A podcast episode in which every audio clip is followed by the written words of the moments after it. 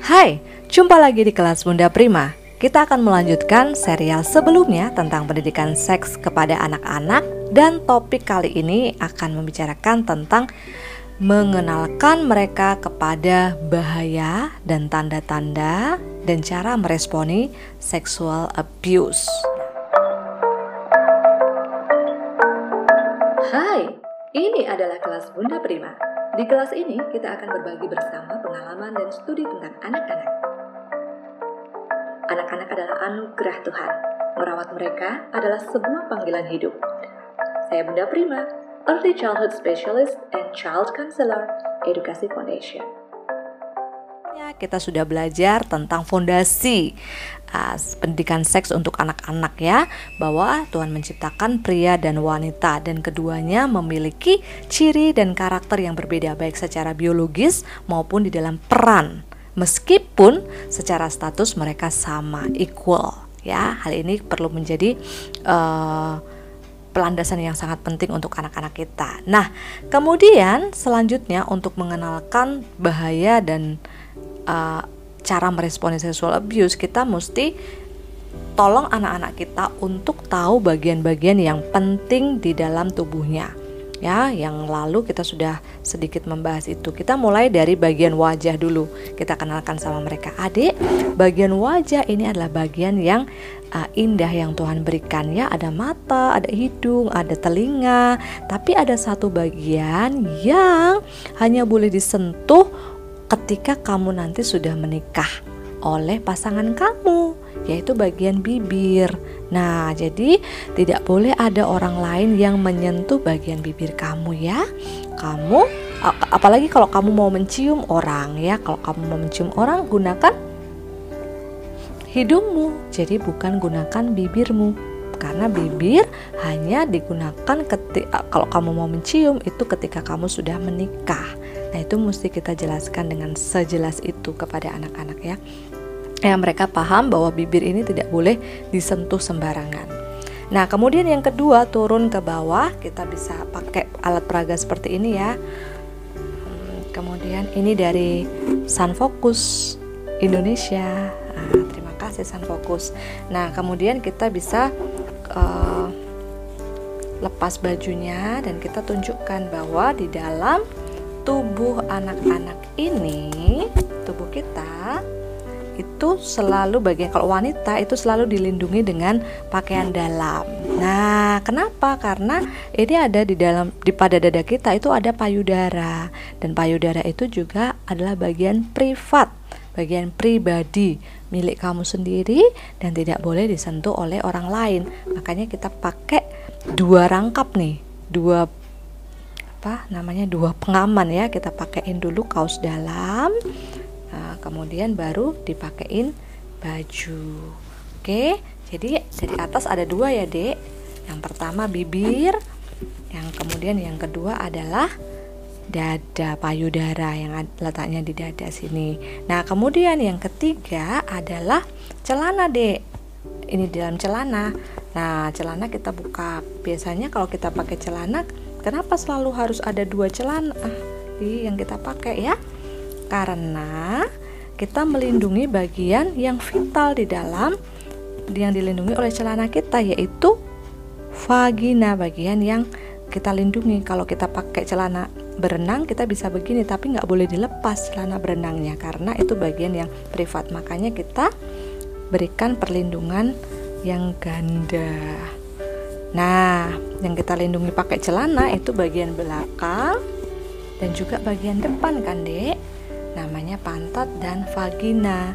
Jadi, kalau kita urutkan dari atas ada empat bagian yang pribadi dari uh, manusia yaitu bibir, payudara, dada ya, kemudian vagina atau penis bagi yang pria dan juga pantat. Nah, itu adik harus sangat lindungi. Itu hanya boleh disentuh oleh adik sendiri ataupun mama atau papa kalau terpaksa sekali adik sakit.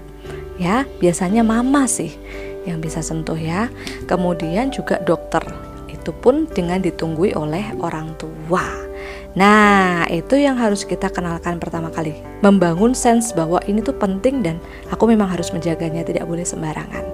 Nah, kemudian uh, biasanya kita sering ini ya, gampang melepas baju anak-anak kita di di muka umum. Misalnya habis mandi, terus ada tamu atau ada apa, terus kita ya udah kita apa namanya kita kasih baju di situ gitu. Nah, kita mesti biasakan membawa mereka ke kamar ya, membawa mereka ke kamar sehingga mereka tahu pada saat habis mandi itu benar-benar privat sekali dan harus harus di dalam kamar dan harus tertutup gitu. Atau misalnya pas ganti baju, kita sering ganti baju di misalnya anak-anak harus ganti baju secara tiba-tiba di jalan atau di mana. Nah, kita cari ruangan yang privat atau kalau enggak ada kita berikan perlindungan, ditutupin sehingga anak itu merasa bahwa oh iya memang ini serius sekali gitu sampai aku waktu ganti baju pun harus dilindungi dan harus ditutup sedemikian rupa. Kemudian ini loh, uh, biasanya anak-anak kecil itu dibiarkan pakai kaos sport kan, atau apa namanya kaos kutung itu ya. Kaos kutung yang hanya daleman aja sama dalemannya. Kemudian lari ke mana-mana gitu keliling kampung atau keliling perumahan. Nah sebaiknya jangan. Supaya anak-anak tahu bahwa itu pakaian dalam dipakai untuk melapisi uh, double security gitu ya. Tetapi untuk mereka keluar itu harus memakai pakaian yang proper. Harus pakai baju dan juga celana yang uh, proper yang bisa melindungi Eh, bagian-bagian uh, tubuh yang vital tadi. Seperti itu. Jadi, kita sendiri harus mulai membiasakan menolong mereka mengenal bahwa ini bagian yang penting gitu. Nah, kemudian kita perlu membicarakan seks ini seperti membicarakan peraturan perlindungan keselamatan yang lain. Contoh anak mau main sepeda, dia jangan lupa pakai helm, jangan lupa pakai pengaman siku ya. Jangan lupa ya. Nah, seperti itu juga membicarakan seks ya harus sangat detail sehingga kita uh, apa sehingga apa keselamatannya itu sedetil itu gitu. Ya kemudian eh, kita bisa ngomong sama mereka begini kamu harus tanya sama mama dulu atau sama papa dulu kalau kamu mau ngapain aja sama teman kamu ya. Pokoknya harus tanya mau pergi ke sini ke sana ke rumah siapa dengan siapa semuanya harus bertanya dulu kepada mama atau papa ya. Kemudian tidak boleh ada rahasia. Jadi kalau kamu kalau ada orang yang menyentuh kan kamu sudah tahu ada bagian-bagian yang tidak boleh disentuh.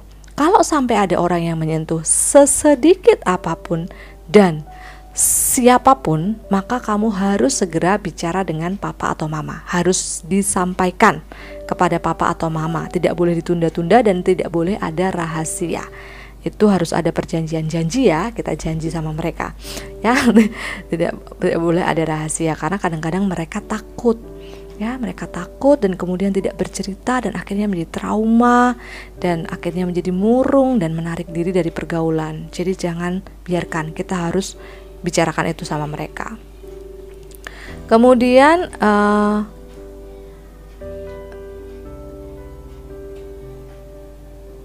kita terus menanyakan ya, tetap mengatakan tentang peraturan-peraturan tadi dan juga terus menanyakan. Misalnya mereka habis pulang dari kegiatan, kita harus menanyakan tadi dengan siapa, sama siapa, dengan cara yang lembut ya, bukan neg negging ya, tapi uh, apa dengan cara yang lembut kita bertanya sama mereka. Oh ya, apa aja yang dilakukan?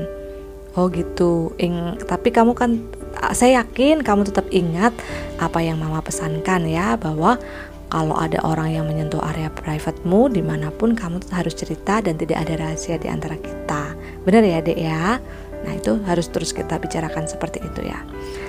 Ask listen and talk sambil bermain. Kita bisa bertanya lalu mendengar. Kalau kita bertanya itu berarti harus memberi kesempatan mereka untuk menjawab. Kadang kita bertanya bertanya bertanya bertanya bertanya terus gitu. Lupa bahwa mereka harus punya space untuk menjawab jadi bertanya satu kali lalu dengarkan sampai dia menjawab. Oke deh, silahkan jawab deh. Oh, kok nggak dijawab? Aku tunggu ya jawabannya. Jadi oke okay, slow aja sambil ditunggu mereka menjawab dan kemudian kita bisa lakukannya itu sambil bermain atau sambil baca buku.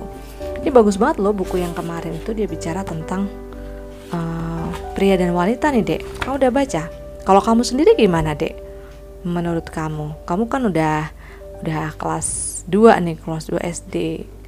uh, ya gimana pria dan wanita itu nah kita ajak bicara seperti itu ajak bicara terus dengarkan apa pendapat dia lalu kita mulai menanamkan apa yang kita apa yang mereka perlu tahu tentang pendidikan seks tadi. Nah, dengan pengetahuan pendidikan seks yang uh, kuat, anak-anak akan berjaga-jaga dengan dengan kuat ya, dengan kuat.